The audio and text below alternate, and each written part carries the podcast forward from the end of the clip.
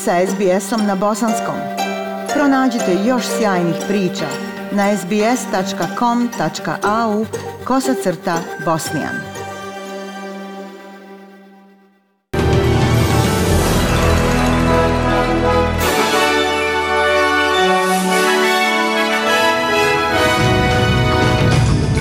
današnjim vijestima poslušajte pomješane reakcije na klimatski dogovor u Glazgovu. Vlada Novog Južnog Velsa ukida posebnu zaštitu za radnike na prvoj liniji koji su pozitivni na COVID i Sport Australija objavljuje članove kuće slavnih za 2021. godinu. Slušate vijesti SBS radija na bosanskom jeziku.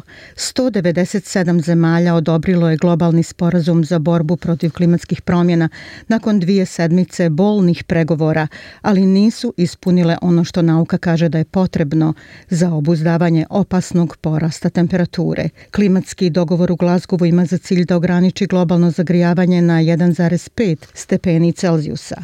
Kina i Indija insistirale su da se jezik o fosilnim gorivima oslabi u konačnom tekstu. Kako je sklopljen konačni odgovor, predsjednik samita COP26 Alok Sharma oči u punih suza se izvinuo za rezultat samita. I would say, however, that uh, this is a fragile win. Uh, Rekao bih da je ovo krhka pobjeda. Volio bih da smo uspjeli sačuvati jezik uglju koji je prvobitno dogovoren. Ipak, izraz uglju je postupno ukinut. Nisam očekivao da će biti zadržan, ali jeste i mislim da se to svodi na fleksibilnost i dobru volju koju su zapravo pokazale mnoge strane. Nekoliko zemalja, uključujući male ostrvske države, izrazilo je razočaranje promjenom riječi u sporazumu da se ugalj postupno smanje smanji umjesto da se ukine. Generalni sekretar Ujedinjenih naroda Antonio Guterres kaže da svijet mora ući u hitan režim zbog klimatskih promjena jer sporazum ne ide dovoljno daleko. Međutim, gospodin Guterres priznaje da sporazum uspostavlja važne osnove za napredak. The Ishod samita COP26 je kompromis. On odražava interese, kontradikcije i stanje političkog gledišta u današnjem svijetu. Moramo ubrzati zaštitu klime kako bismo održali u životu cilj ograničavanja porasta globalne temperature na 1,5 stepeni. Želim da pošaljem poruku mladim ljudima, autohtonim zajednicama, ženama, liderima i svima onima onima koji su lideri na polju zaštite klime. Znam da ste razočarani, ali najbolji napredak nije uvijek prava linija. Lideri zemalja će biti pozvani da se ponovno sastanu u Ujedinjenim narodima 22. godine, 24. i 26. godine kako bi razgovarali o obećanjima finansiranja borbe protiv klimatskih promjena i dali ažurirane ciljeve smanjenja emisija. Federalni ministar zdravstva Greg Hunt pojavio se u nedeljnom programu ABC-a Insiders. Novinar David Spears ga je pritisnuo da odgovori da li će savezna vlada ispuniti svoje novo dogovorene obaveze da ažurira svoje ciljeve do sljedeće godine. Will you update the target? Well, we've set our target. Hoćete li ažurirati cilj sljedeće godine? Pa postavili smo svoj cilj, nastavit ćemo da ažuriramo naše projekcije. Ovaj sporazum kaže da morate ažurirati cilj sljedeće godine. Hunt odgovara, naše projekcije su da se sretnemo i pobjedimo metu. To me podsjeća na ono kad princ Hall kaže Hotspur u Šekspirovoj tragediji Henry IV. Nikad nisam obećao da ću platiti, ali sada kada sam ovdje platit ću ti dupu duplo. To znači nedovoljno obećanja i pretjerano ispunjavanje. To smo i uradili. Imamo jasan cilj i ono što mijenjamo su naše projekcije. Aktivisti za zaštitu životne sredine i zagovornici klimatskih promjena bili su razočarani i proračunati u svojim oštrim procjenama sporazuma COP26, posebno obaveza Australije. Vođa zelenih Adam Band kaže da se Australija smatra jednim od zlikovaca samita, a lider saveznih laburista Anthony Albanizi kaže da premijer Scott Morrison mora biti transparentan sa svim potencijalnim ažuriranjima svojih ciljeva smanjenja emisije stakleničkih gasova prije sljedećih izbora. An Australia's report card is a definite fail. Australski izvještaj je definitivan promašaj, jer ono što smo vidjeli od ove vlade je više spin nego sadržaj. Ovo je premijer kojem se ne može vjerovati. Laboristička stranka prihvata nauku o klimatskim promjenama, a mi prihvatamo priliku da ona postoji. Vijeće za klimu kaže da se Australija pojavila praznih ruku i da je iznevjerila svoje pacifičke susjede, a članovi organizacije preživjeli od požara za klimatsku akciju kažu da je sramotno što Australija još uvijek prihvata ugalj. Vijesti svijeta musliman Poljak pruža pomoć onima kojima je potrebna usred migrantske krize na istočnoj granici Evropske unije hiljade migranata i izbjeglica, mnogi sa Bliskog istoka iz Afganistana, kampuju u blizini granice u nadi da će preći u Evropsku uniju. Macej Ščednović je predsjednik lokalne muslimanske zajednice u istočnom poljskom selu Bohoniki. Kaže da za njih skuplja odjeću, zalihe paketa, hrane i vode. Znači im e, way of feeling sad. It's not important. Mi iz muslimanske zajednice smo tužni.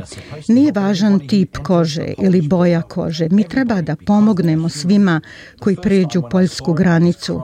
Svi, jer su ljudi. Prvi put kada sam to vidio, plakao sam. Ljudi su toliko umorni da ne mogu da ustanu. Jeli su pečurke iz šume samo da bi nešto jeli. Kad im policajci daju jabuku, pojedu čak i sjemenke. Ne možete ni zamisliti. Vlada Novog Južnog Velsa planira smanjiti posebnu zaštitu za radnike na prvoj liniji koji su pozitivni na COVID. Posebna odredba o COVID-19 dodana je zakonu o naknadi za radnike u maju 2020. godine koja je omogućila radnicima u maloprodaji, zdravstvu i ugostiteljstvu koji se zaraze od covid na svom radnom mjestu da podnesu zahtjev za naknadu štete. Državna vlada sada kaže da je promjena zastarjela i nepravedna te da će krenuti da se ukine tu odredbu u parlamentu sljedeće sedmice u pokušaju da preduzećima uštedi milijarde dolara. To dolazi nakon što je država zabilježila 195 novih lokalno stečenih slučajeva covid i još jedan smrtni slučaj. A u Viktoriji porast broja oboljelih od COVID-a polako se smanjuje s 905 novih slučajeva. Zabilježena su još četiri smrtna slučaja od virusa. Država i dalje upravlja s više od 17.300 aktivnih slučajeva, sa 394 pacijenta u bolnicama, od kojih su 75 na intenzivnoj njezi, a 46 pacijenata su na respiratorima. Lijek za liječenje rijetkog karcinoma želuca i crijeva biće subvencioniran nakon što bude uvršten na listu farmaceutskih beneficija. Ljudi koji pate od gastrointestinalnog tumora moći će kupiti lijek Kinlock za oko 40 dolara od decembra, a koji je ranije koštao 179.000 dolara. Lista je prva za ovo stanje u više od decenije. Diabetes Australija je pozdravio objavljivanje nove australske nacionalne strategije za diabetes, novog desetogodišnjeg plana Savezne vlade za podršku australcima koji žive sa svim oblicima diabetesa. Australska nacionalna strategija za diabetes od 2021. do 2030. ima za cilj poboljšati prevenciju, rano otkrivanje, upravljanje i brigu o osobama s diabetesom. Otprilike jedan od 20 Australaca boluje od diabetesa. Nova strategija formirala je novu kampanju koja sadrži specifične detalje i akcije za prioritetne grupe stanovništva, uključujući aboriđine i stanovnike otoga Torres, one kulturološki i lingvistički različitog porijekla i buduće majke. Tema ovogodišnjeg svjetskog dana diabetesa, koji je danas 14. novembra, je pristup njezi za diabetes. Ako ne sada, kada? i ove godine se navršava stotinu godina od otkrića inzulina.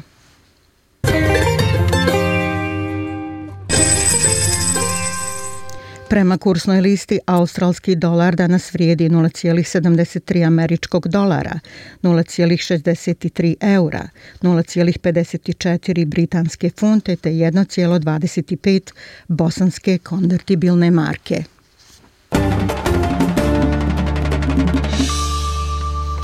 Vijesti sporta Sport Australija objavio listu novih sportista koji će dobiti počasti u kući slavnih.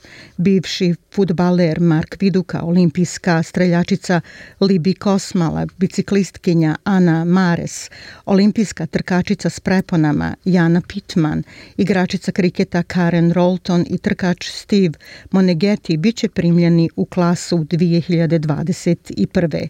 Njima će zvanično biti odata počast tokom televizijske ceremonije u četvrtak 2. decembra, a futbolska reprezentacija Bosne i Hercegovine porazom od Finske ostala je bez šansi za plasman na svjetsko prvenstvo 2022. godine.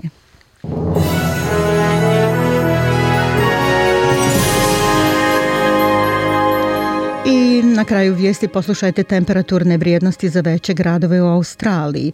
U Pertu 27, Adelaidu 17, u Melbourneu Pljuskovi 15, Hobartu 12, Kamberi 12, u Sidneju 23, Brisbaneu sunčano 30 i u Darwinu 37 stepeni Celzijusa. Bili su to vijesti SBS radija na bosanskom jeziku. Ja sam Aisha Hadži Ahmetović. Ostanite i dalje uz naš program. thank you